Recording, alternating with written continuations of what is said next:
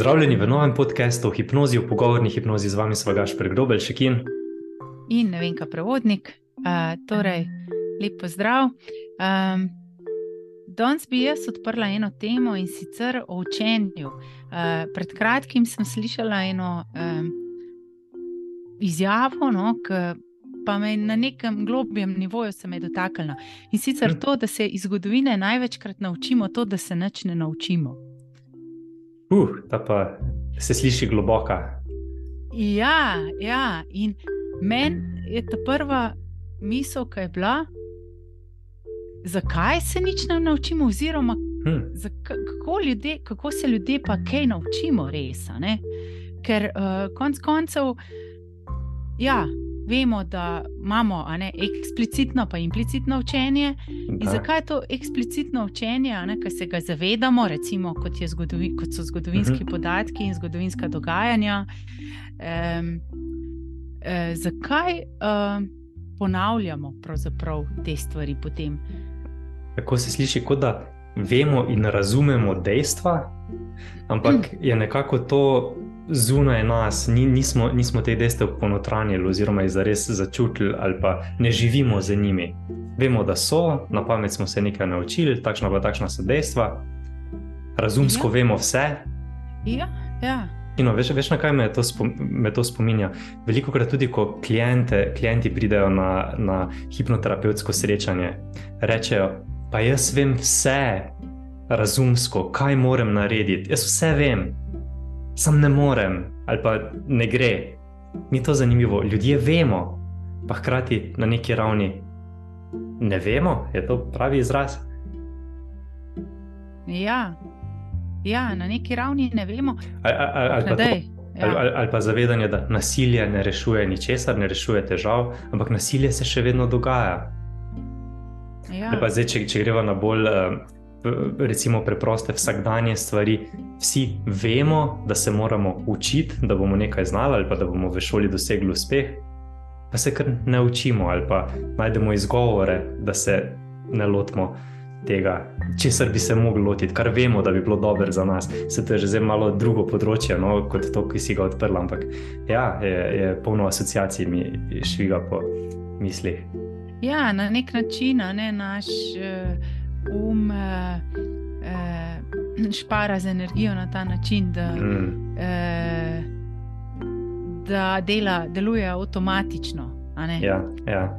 Naši eh. možgani so ustvarjeni za to, da iščejo v tem primeru v narekovajih bližnjice, da porabijo čim manj energije za stvari.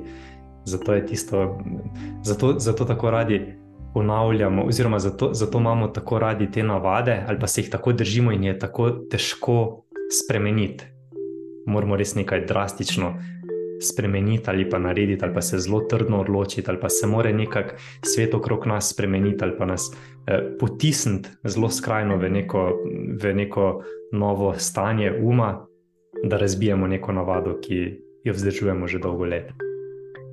Ja, to, kar si pa zdaj, kako nas nekaj potisne v nekaj, da nekaj res naredimo, eh, to je pa najprej stvar motivacije. Mm, tudi. Ja. Ampak, uh, ja. In kdaj z, z, smo najbolj motivirani? Hmm, to, to je zdaj spet vprašanje.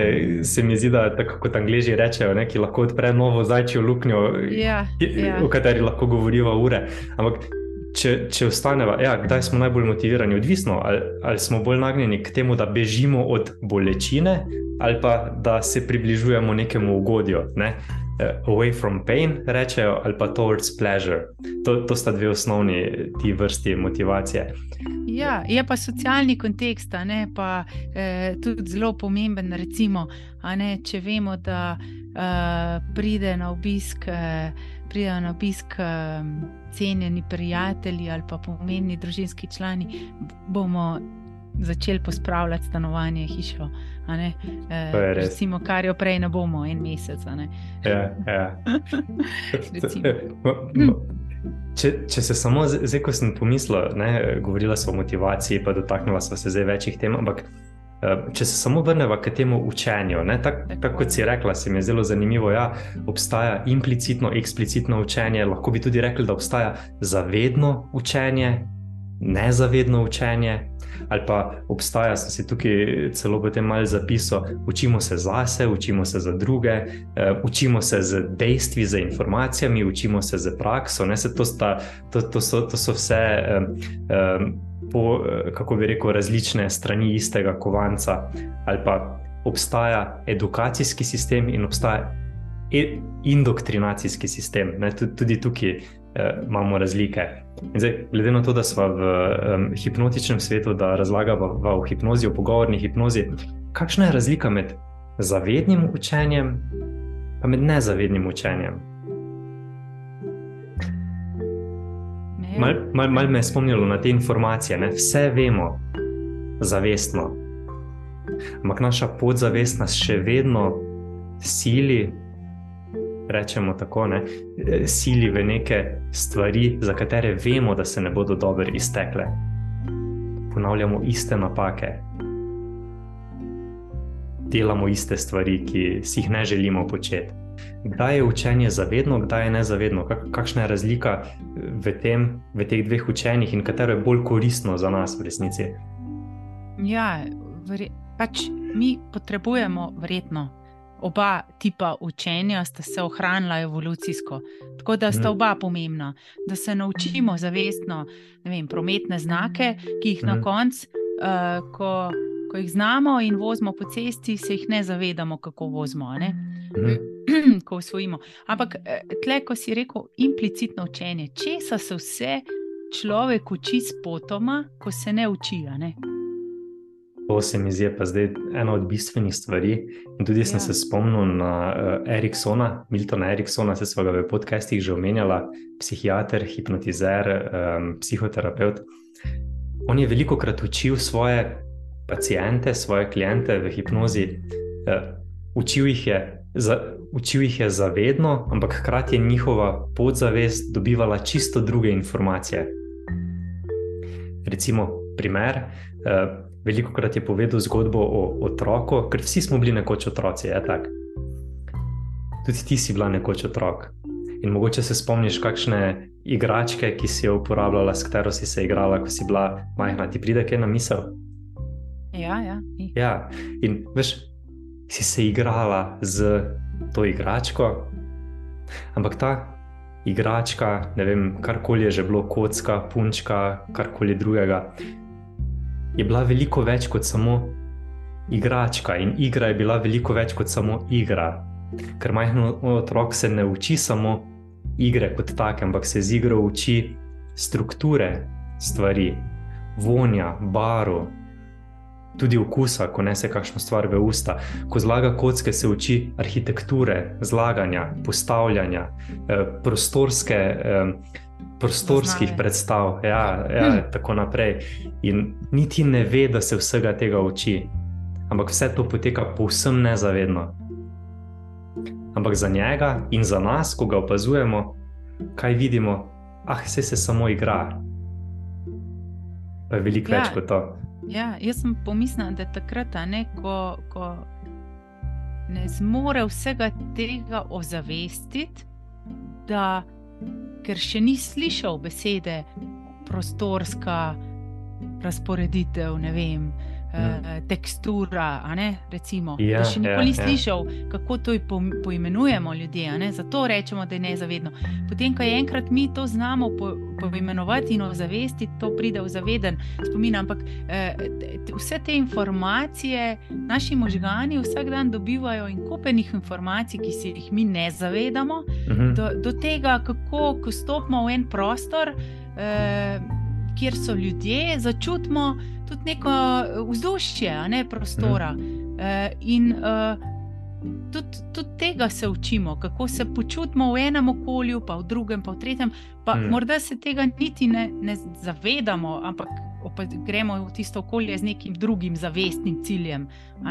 E, ja. to, to, to sem se pa zdaj spomnil, si dala super istočnico, ko si rekla, kako počnemo nekaj, pa dosežemo nekaj drugega. In spet se bom navezal na, ja. Erik, na Eriksona, ker je, ker je imel tak princip učenja hm. svojih klientov, svojih pacijentov. In mi je prišla na misel anekdotična zgodba o možu, ki se je bal prečiti z avtomobilom mejo mesta. Ni mogel peljati skozi meje njihovega mesta. Ko je videl tisti znak, da je konec mesta, je umedlel ali pa se začel tresiti in je mogel avto ustaviti, niti ven in obrniti in se odpeljati domov. In seveda ta gospod je prišel Eriksonu na hipnozo, pomagaj mi, jaz moram nekaj narediti. Ne, um, tako ali drugače, ker si želim voziti izven mesta, moram voziti izven mesta. In Erikson mi je podal sugestijo, hipnotično, pazi zdaj to, da eno miljo pred koncem mesta, pred tisto tablo, ki označuje konec mesta, da um, avto ustavi in oblečen v svojo najboljšo obleko. To je pomemben podatek. Oblečen v svojo najboljšo obleko se uleže v jarek ob cesti, poln blata, in čaka in opazuje, ali bo medlev. Ali pa ali ga bo ta strah prevzel pred eh, tem, da se mesto končuje. In če ne, se naj vsede nazaj v avto, se pelje naprej 10 metrov ali pa ne vem, 50 metrov in ponovno ustavi avto, opazuje svoje telo, če ga je že strah, se vleže v jarek, ko to opazuje, za vsak slučaj, če bi omedlil, da ne bi padel. In potem, če je vse v redu, ali pa tudi če omedli in se ponovno zbudi, ko je v redu, se ponovno usede v avto, se ponovno odpelje nekaj metrov, ponovno ustavi avto, se uleže v jarek za svojo najboljšo obleko in spet opazuje, in se potem ponovno usede nazaj v avto. Kaj se je zgodilo? Ta možakar je postal tako besen na tega Eriksona, kakšne sugestije mu daje, in je bil jezen na to, da uničuje svojo najboljšo obleko, da je v tem procesu približevanja meji mesta, se pravi tistemu znaku, popolnoma pozabil, da se približuje te meji mesta in enostavno peljal mimo, eh, osvobojen razmišljanja o tem, da ga je strah, ker je imel misli okupirane z nečim povsem drugim.